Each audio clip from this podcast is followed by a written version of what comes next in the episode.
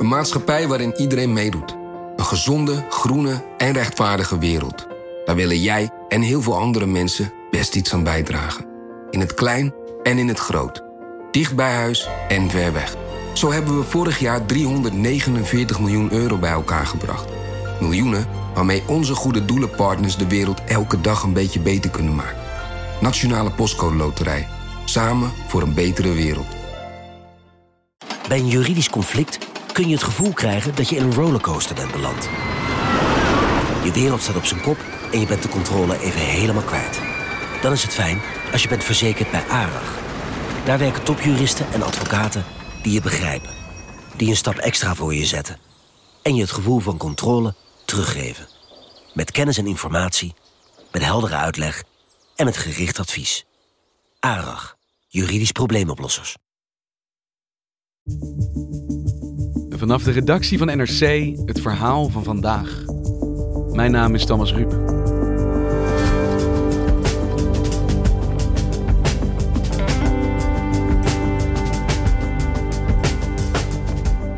In de jaren 90 onthulde onderzoeksjournalist Joep Dome een heersende cultuur van vriendjespolitiek en corruptie binnen de provincie Limburg. Een stroom aan veroordelingen volgde van ambtenaren, burgemeesters en bestuurders. Nu, ruim 20 jaar later, bijt hij zich samen met Dagblad de Limburger opnieuw vast in de provincie. Is er in Limburg eigenlijk iets veranderd?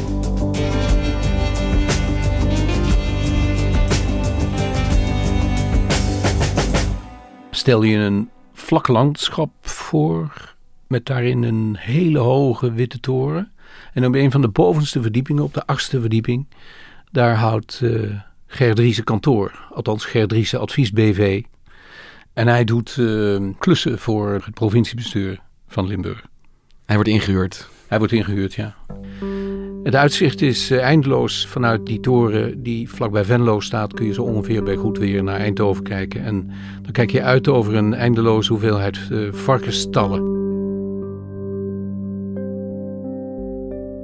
Waarom waren jullie daar? Ja, wij waren daar om eens te horen hoe hij uh, als oud-gedeputeerde, dus als oud-bestuurder van de provincie Limburg, uh, nadat hij vertrokken was uit zijn ambt, aan toch nog een reeks opdrachten van diezelfde provincie was gekomen. Dus hij wordt door zijn ex-werkgever ingehuurd. En wat zei hij daarover? Dat was wel grappig. In zijn kantoor stond een bananenboom en onder die bananenboom een, een luie stoel. En hij zei, kijk, ik zit hier uh, uh, op de achtste verdieping van deze toren onder die bananenbomen. Dat is veel fijner dan thuis achter de geraniums. Ja, dat was een cliché natuurlijk, maar toch, dat gaf wel aan dat hij met zijn, uh, hij was denk ik begin 60 toen hij vertrok als gedeputeerde, dat hij nog niet klaar was met werken, hij wilde nog doorgaan. En toen heeft hij eens een keer contact opgenomen, vertelde hij, van jongens, jullie delen klussen uit, maar Gerdries heeft nog niks gehad. kom, laat mij eens meedelen in de klussen. En wat voor klus is dat dan bijvoorbeeld? Dat is interessant, want uh, Limburg heeft de hoogste populatie varkens uh, van Nederland, samen met Oost-Brabant. Er wonen meer varkens dan mensen in dat gebied. En uh, de provincie Limburg voerde landelijk beleid uit om bij boeren varkensstallen op te kopen. En dan gingen ze in plaats van die varkensstallen woningen bouwen. Zo kreeg hij op een dag een telefoontje van een partijgenoot van hem. Wil jij niet een klus doen voor ons? En, en dat, dat wilde hij wel, ja. ja. En jouw vraag was, heeft hij deze opdracht gekregen omdat hij de beste man voor deze klus was? Of omdat hij als voormalig politicus de beste connecties had? Correct, dat was het. Belangenverstrengeling, vriendjespolitiek, handjeklap, bijna cultuur geworden in Limburg. De journalisten Joep Doom en Henk Langeberg merkten dat dat tot veel misstanden leidde. Ze besloten daarom in 1992 op onderzoek uit te gaan. En ja, dat hebben ze gepubliceerd. Het resultaat van al hun speurwerk, drie jaar lang, dag in dag uit, is te lezen in het boek dat morgen verschijnt, De Vriendenrepubliek. Ja, we hoorden hier jou in het radioprogramma Met het oog op morgen. Waarom zat jij daar in 1996? Ja, dat was het jaar waarin uh, een boek verscheen. Dat heette uh, De Vriendenrepubliek. Ik had dat geschreven uh, toen ik journalist was van Dagblad de Limburger. Ik zat op de stadsredactie in de Wolfstraat in het centrum van Maastricht. En mijn oog viel op een zaak in het gemeentehuis daar. Daar bleek een wethouder mede-eigenaar te zijn van een wegenbouwbedrijf. En dat wegenbouwbedrijf kreeg van de gemeente Maastricht exclusieve opdrachten. En ik verbaasde mij erover. Dat is natuurlijk iets wat journalisten primair moeten hebben. Een goed verhaal begint met verbazing. En daar ben ik toen verhalen over gemaakt. Want je bent gaan uitzoeken hoe kan dit bestaan? Ja, en toen kwam ik dus op een heel netwerk uh, van afspraken uh, die er in uh, Maastricht waren. De we wegenbouwers onderling maakten afspraken over de verdeling van gemeentelijke opdrachten. En de gemeente wist daarvan. En nou, het, het bleek een eindeloze kluur te zijn van, van afspraken. En uiteindelijk, naarmate wij verder zochten, ook van corruptie. Affaire Baars wordt het in Limburg al genoemd. Corruptie en omkoping van ambtenaren, wethouders en burgemeesters. Het gonst. En Dagblad de Limburger brengt dagelijks nieuw voor... voor wat uitdreigt te groeien tot een groot Limburgs schandaal. Sjaak Baars, dat was een wegenbouwer in Zuid-Limburg die uh, over exclusieve contacten beschikte bij uh, zowel het provinciehuis als bij heel veel gemeentehuizen. Hij had een gedeputeerde die in zijn raad van advies zat. En die man die kreeg daar geld voor. En tegelijkertijd was die gedeputeerde uh, medeverantwoordelijk voor het uitdelen van opdrachten aan, je raadt het al, het wegenbouwbedrijf van meneer Baars. Uh, deze man uh, organiseerde etentjes waar dan de dames van de wethouders, de burgemeesters en de gedeputeerden aan tafel werden genood voor, voor een heerlijk diner. Dan lag op het bord van uh, de echtgenoten een envelop met 1000 gulden of 500 gulden, dat bedrag, bedrag kon variëren, om eens een keer uh, ja, zijn leuke jurk te kopen. Maar bijna vrolijk openlijk als je iemand gewoon op, bij een etentje op het, op het ja, bord een envelop legt. En dat is interessant, want corruptie is vaak een één op één ding. Wij doen iets samen, niemand weet ervan. Maar daar gebeurde het heel openlijk. Het was dus ook binnen die kringen helemaal niet taboe om als je dan al op een, uh, een etentje bij de wegenbouw kwam met je man en de, de, mannen gingen dan even zaken bespreken buiten, dan zaten de vrouwen die vonden allemaal die envelop. En onderling was dat blijkbaar niet verbazend dat je dat kreeg. Dat was de norm ons kent ons en voor wat hoort wat. Het werd Men, niet verborgen? Nee, het werd nauwelijks verborgen. Bijvoorbeeld als jij in de Kamer van Koophandel uh, geregistreerd staat, dan verberg je het al niet. Maar je hoeft er dus eigenlijk als journalist niet eens zo ontzettend diep te graven, omdat het dus eigenlijk bijna openlijk gebeurde. Zie ik dat dan goed? Ja, dat kun je zeggen. Um, mijn collega Henk Langeberg was... Uh, um, hij had toen nog jonge kinderen, dus hij, uh, hij stond op het schoolplein. En uh, dan kwam hij daarna uh, mij vertellen dat er weer iemand naar hem toegekomen was. En die zei, god Henkie, ik heb nog een leuk reisje voor je van een wethouder. En dan kwam er dus iemand, wiens naam we hier niet kunnen noemen. En die kwam vertellen over een snoepreisje dat een wethouder gemaakt had naar het buitenland. Kijk, je moet je voorstellen, in de jaren negentig publiceerden wij uiteindelijk honderden artikelen. En dat hield maar niet op, dat ging door. Voor het eerst is een burgemeester in Nederland veroordeeld wegens corruptie. De rechtbank in Maastricht vonniste vandaag de burgemeester van Gulpen. Hij kreeg een voorwaardelijke gevangenisstraf. Centraal staat daarbij de partij die sinds jaar en dag de dienst uitmaakt in Limburg het CDA. De verdachte, die bij aankomst een ontspannen indruk maakte... wordt er onder meer van beschuldigd dat hij 120.000 gulden steekpenningen zou hebben aangenomen... van bouw- en baggerbedrijven. Bijna het hele bestuur van de Zuid-Limburgse gemeente Brunsum is achter de tralies gezet. Uiteindelijk heeft dat geleid tot uh, een negen strafzaken... Vier wethouders, drie burgemeesters en twee ambtenaren. En die zijn ook veroordeeld. Die zijn veroordeeld voor of corruptie, of valsheid in geschriften, of beide. En dat was tot dan toe eigenlijk de, de grootste zaak die er in Nederland in korte tijd geweest is binnen het openbaar bestuur als het gaat over corruptie. En ik herinner me nog dat dat ook landelijk een thema werd. En met name toen minister Indales van Binnenlandse Zaken daar heel scherp op zat. En van haar is die historische uitspraak: je bent integer of je bent niet integer. En een klein beetje integer, dat kan niet.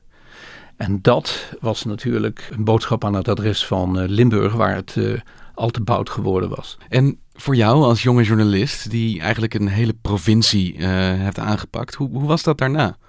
Hoe werd erop gereageerd? Nou, wat, wat Henk Langeberg en ik kregen was de prijs voor de Nederlandse dagbladjournalistiek voor ons onderzoek. Maar tegelijkertijd zag je dat in Limburg zelf er heel verschillend gereageerd werd. En er waren nogal wat bestuurders die, die zeiden: ja, maar wacht eens even, uh, dat hele bestuur wordt ondermijnd door die uh, krant en door die twee journalisten. De enige vrouw in dit gezelschap vandaag is fractievoorzitter uh, van de Partij van de Arbeid in de Provinciale Staten, Odile Wolfs. Steekpenningen aannemen is vreselijk, zei u hier. Maar wat zij doen, en daarmee bedoelde u Joep Dome en Henk Langeberg... Wat zij doen is nog erger. Ik denk dat dat een uh, hele korte samenvatting is geweest, die ene zin, van een uh, interview hier aan tafel. Waarvan ik me overigens herinner dat beide journalisten ook uitgenodigd waren, maar, maar niet, niet verschenen. Ja, precies. En destijds was er dus een PvdA, Odile Wolfs, die op Omroep Limburg zei dat steekpenningen misschien wel erg zijn, maar wat jij als journalist doet eigenlijk nog wel erger is. Ja, en dat waren, dat, ja, daar kleefde een beetje het verwijt aan dat wij dus Limburgse nestbevuilers waren. En als jij daar als nestbevuiler gezien wordt, moet ik me dan voorstellen dat op het moment dat jij bestuurders in Limburg wil spreken, dat ze dan de hoorn op de haak gooien? Ja, dat werd dus steeds moeilijker, omdat aan Henk en mij kleefde dat beeld van die onthullers die uh, allerlei ambtenaren en wethouders en, andere bestuurders in problemen gebracht hadden. Dus dat werd wel moeilijk. En eerlijk gezegd was ik ook al blij uh, toen in 1999 ik gebeld werd door NRC. Die zeiden van Joep, kom toch hier werken. En dan kom je hier dat werk doen. En dan wordt het niet Limburg, maar Nederland. Maar je bent wel in Limburg blijven wonen? En ik ben er blijven wonen, ja. Dat, uh, ik kan je zeggen, je kunt daar prachtig wonen. Het, uh, en de Nederlandse spoorweg is mijn grote vriend.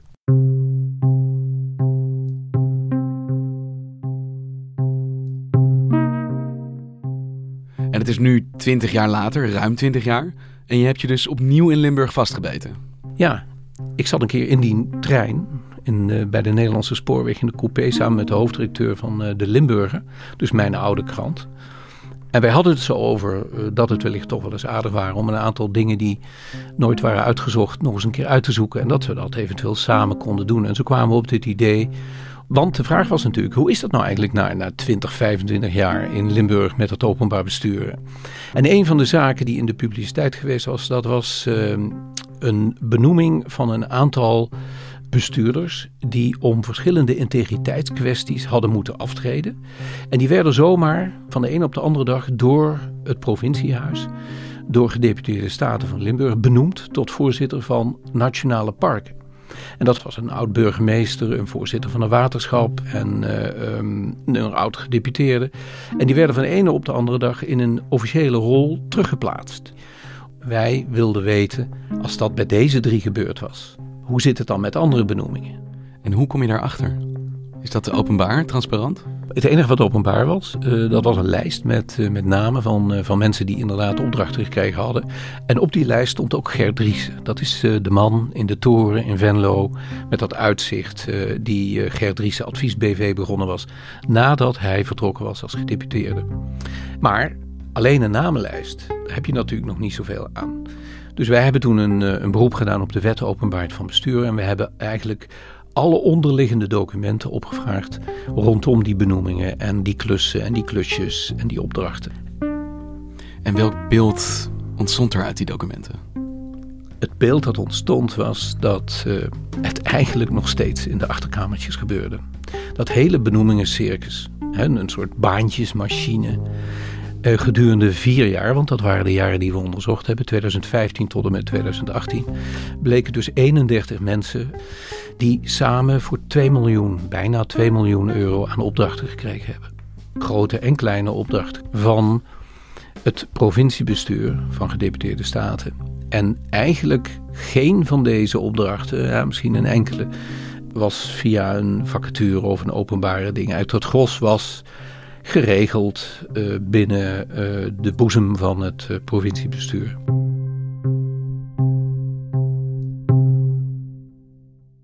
En wie zijn dat dan? En wat voor een opdrachten gaat dit om? Het gaat dus bijna allemaal om oud-politici die in allerlei functies actief geweest zijn: van, van minister, staatssecretaris, gedeputeerde, burgemeester, wethouder, bedenk het. En zij kregen dus banen en baantjes en klussen en klusjes als ambassadeur, adviseur, kwartiermaker, lobbyist, ketenregisseur. Die kwamen ook nog eens tegen. En eh, dat waren dus allemaal betaalde functies. Nou, ik noem er een paar. Uh, Antoine Jansen was gedeputeerde in Limburg voor de PVV. Hij was dat ongeveer een jaar. Uh, toen uh, struikelde dat college en hij was werkloos. Hij had natuurlijk eerst wachtgeld, maar daarna had hij geen werk. Nou, Antoine Jansen is aan werk geholpen. Hij werd projectmanager op een wegenbouwproject van de provincie Limburg. En daarvoor kreeg hij gedurende vier jaar 750.000 euro. En wat opviel daaraan was dat we eigenlijk terug bij af waren. Want die opdrachten die waren dus verstrekt uh, in strijd met het eigen aanbestedingsreglement. Maxime Verhagen is ook een voorbeeld. Hij is uh, kort nadat hij vertrok als minister voor Economische Zaken door de provincie Limburg binnengehaald als ambassadeur om uh, Limburg in het buitenland te vertegenwoordigen. En Maxime Verhagen die uh, declareert dus voor zijn activiteiten bij de provincie Limburg 1134 euro per dag. Maar hij uh, doet dan dingen die hij ook in andere bijbanen al doet. En ik wil een voorbeeld geven. Hij declareert bijvoorbeeld als ambassadeur van Limburg uh, gesprekken met VDL. VDL, dat is een Brabants bedrijf. En die zijn eigenaar van autofabriek Netcar in Born. Dus hij zit daar als eh, ambassadeur van Limburg, uh, van 1134 euro per dag, praat hij met VDL. En wat bleek ons nou? Hij staat ook op de loonlijst bij VDL als adviseur.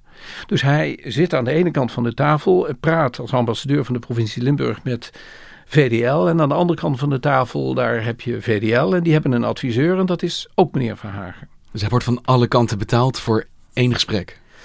Uh, nou, of dat precies voor dat ene gesprek is, maar hij heeft natuurlijk betrokkenheid bij twee functies, bij twee bedrijven, bij twee. En dat, daaraan voel je dat dat, uh, ja, dat, dat uh, zou kunnen dubbelen. En wat zegt zo Maxime Verhagen, natuurlijk oud-minister, daar dan zelf van? Ja, die hebben natuurlijk zijn woordvoerder bij Bouw Nederland gebeld. En die liet ons vervolgens weten dat hij geen verantwoording wenste af te leggen aan ons of aan de krant. En dat de enige van wie die vragen zou beantwoorden het provinciebestuur zou zijn.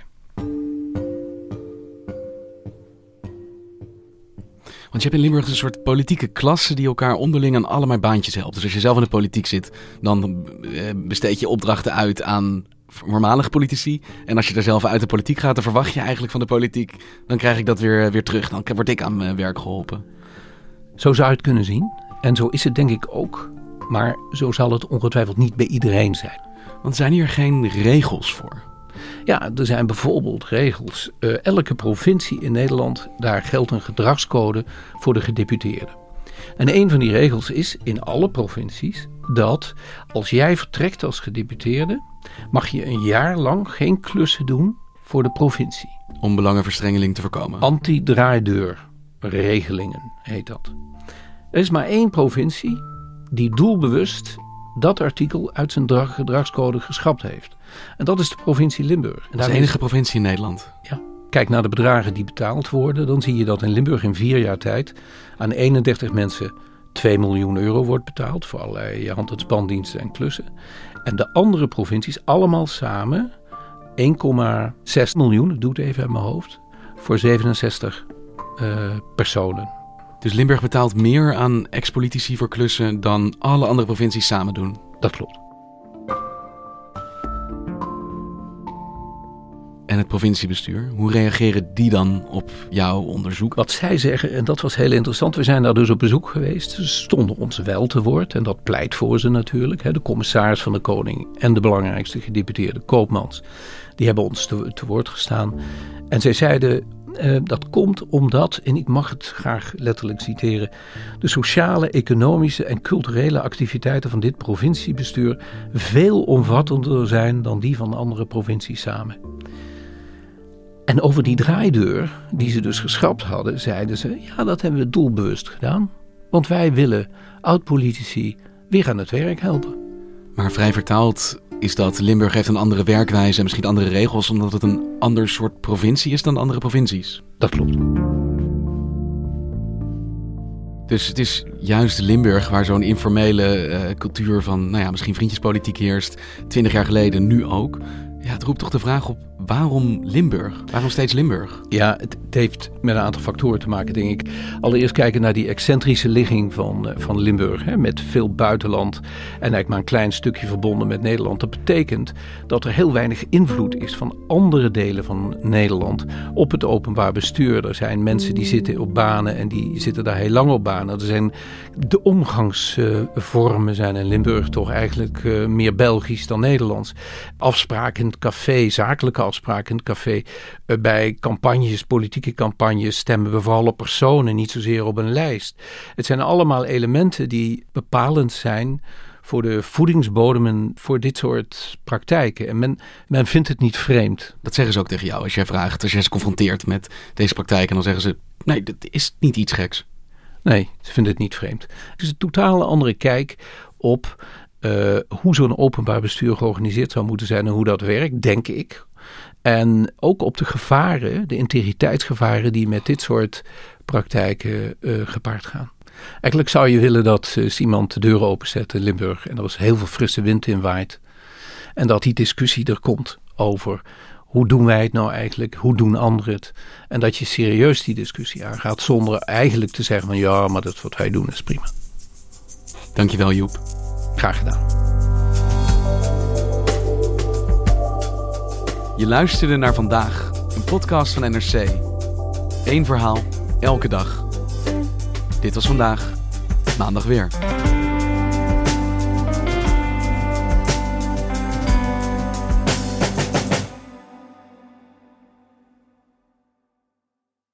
Nieuw Aquarius Red Peach Zero Sugar. Met zijn heerlijke frisse persiksmaak zonder suiker draagt Aquarius bij tot jouw dagelijkse hydratatie en helpt zo mee om je vochtbalans op peil te houden tijdens alledaagse actieve momenten. Thuis, op het werk of onderweg. Ook verkrijgbaar in smaken lemon en orange. Probeer hem nu.